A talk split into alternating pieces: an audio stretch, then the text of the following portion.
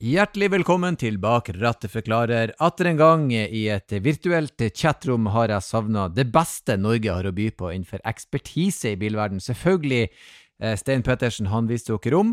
Men igjen, på besøk, David Kolal Andersen, hjertelig velkommen tilbake, mann. Går det bra? Takk for det. Ja, det går kjempebra med meg. Ja, så godt å høre. Vi, eh, jeg er en mainstream-ekspert. Jeg kan om de bilene som egentlig alle kan om. Stein han er jo en som kanskje vet enda litt mer om eh, det som kanskje ikke alle vet. Og i dag så har vi fått deg innom for å snakke om ja, det som folk absolutt ikke vet. Altså, Vi skal rett og slett snakke om de entusiastbilene du ikke visste du ville ha engang. Og nå skal du få vite om de. Så eh, jeg gleder meg.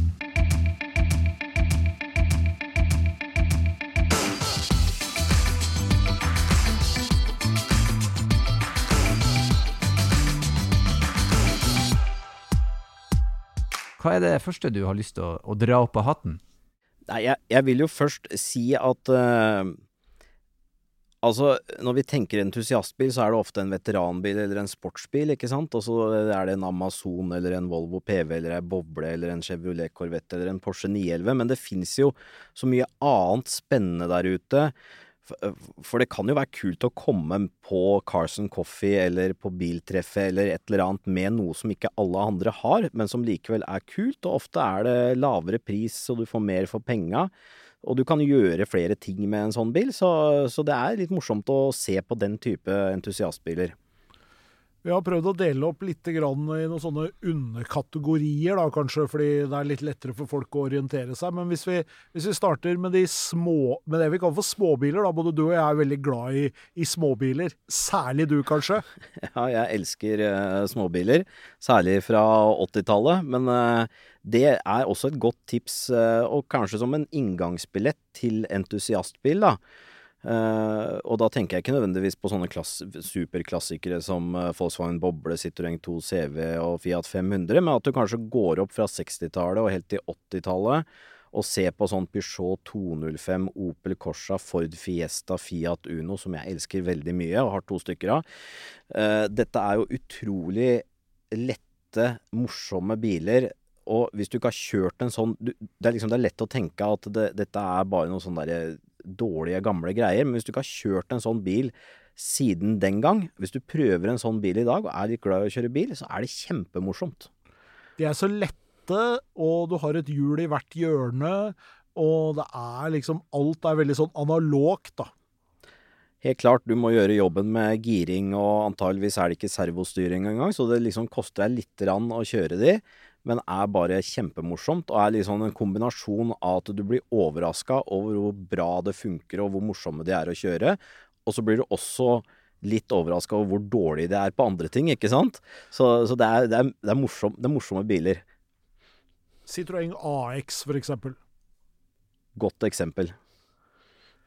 Hvis vi går opp i den derre luksusbilenden, da. Der er det jo ganske mye sånn uh, som folk tenker da de har lyst på en BMW 6-serie eller en Mercedes S-klasse eller noe sånt, men det fins mye annet rart der òg?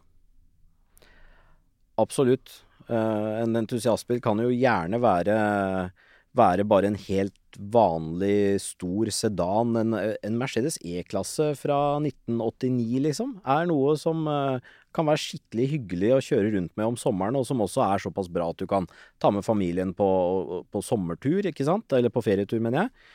Uh, ja. Ja, der er det jo et, uh, ganske, et ganske bredt utvalg, da, og kanskje kan man, kan man se til de bilene som det ikke ble solgt så mye av det. Kan det være en, en stor Renault, eller kanskje en Peugeot 605? Altså, det, det finnes noen biler der ute som er, som er helt, helt, fantastiske. Men det er noe med disse luksusbilene som gjør det litt mer risikofylt når det kommer til å kjøpe uh, gammel, kanskje særlig 80-tallsbil. Ja, det er selvfølgelig elektronikk og mer avansert uh, teknikk enn på det, er liksom sånn motsatt av småbilene vi nettopp, uh, eh, snakka om, så det kan jo være litt krevende å holde det i gang. Uh, så hvis du står i valget mellom en, uh, en spesiell italiensk, uh, sjelden ja, en Alfa Romeo sedan fra 80-tallet, så skal du være klar over at det kan kreve litt skruing. Men kommer du inn der liksom med en strøken 164, så er du jo nesten konge på Carson Coffee sammenligna med mye annet. Ja, det er jeg helt enig i. Har du noen eh, favoritter i luksusbilklassen fra 80-tallet, Erlend? Ja, antageligvis litt for mange enn jeg kan egentlig klare å velge. Kanskje de mest åpenbare. Jeg har jo luksusklassen en Lancia Delta Integrale er jo en sånn evig greil, men da er jo jeg på mainstreamen igjen, og det er vel så å si umulig å få tak i, går jeg ut ifra. Ja, Men kanskje en Lancia Teba hadde vært det noe? Den finnes jo med en uh, usedvanlig upålitelig uh, flott motor, gjør det ikke det, Erlend? Nei, uh, David? Jo, eh, altså Delta er å få tak i, Erlend.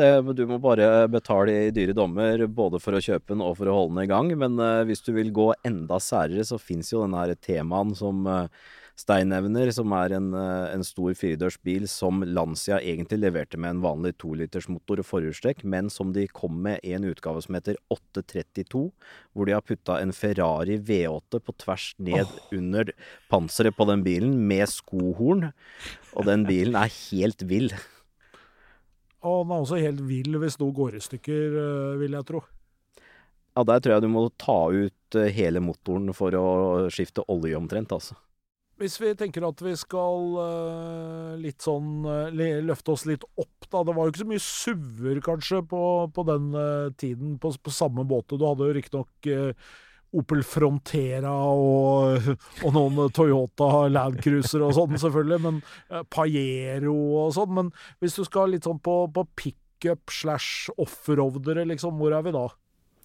Jeg syns iallfall det er en god idé å kikke litt på pickuper og offroadere fremfor eh, et typisk amerikansk eh, flak eller en, en, en Volvo 240. Fordi det som er kult med å velge en klassisk eh, pickup eller firehjulstrekker som en Jeep av noe slag, eller Land Rover, som entusiastbil, er jo at du kan du kan bruke den til mer enn bare å kjøre på veien med. Kan, eh, er det en pickup, kan du jo eh, bruke den til å kjøre hageavfallet med, og er det en offroader, kan du jo reise Kan bli med i Land Rover-klubben hvis du kjøper deg en gammel Land Rover og være med på offroad-treff og kjøre utenfor veien og, og det, det er eh, Jeg syns at, at pickuper og offroader er noe som folk bør ha med seg i bakhodet når de skal se etter entusiastbil. Men når det kommer til Land Rover, da, er ikke det Det eneste jeg hører om gamle Land Rover, er at du må kan kunne skru. For der er det veldig mye utfordringer. Er hvor riktig er det her? Kan man, kan man som meg, da, som ikke er spesielt evnenyttig, eie en sånn bil? Altså Det som er en fordel med en del av disse bilene, er at det er jo forholdsvis enkelt. Sånn at eh, det er jo ganske grove ting, og ikke minst så finnes det store entusiastmiljøer.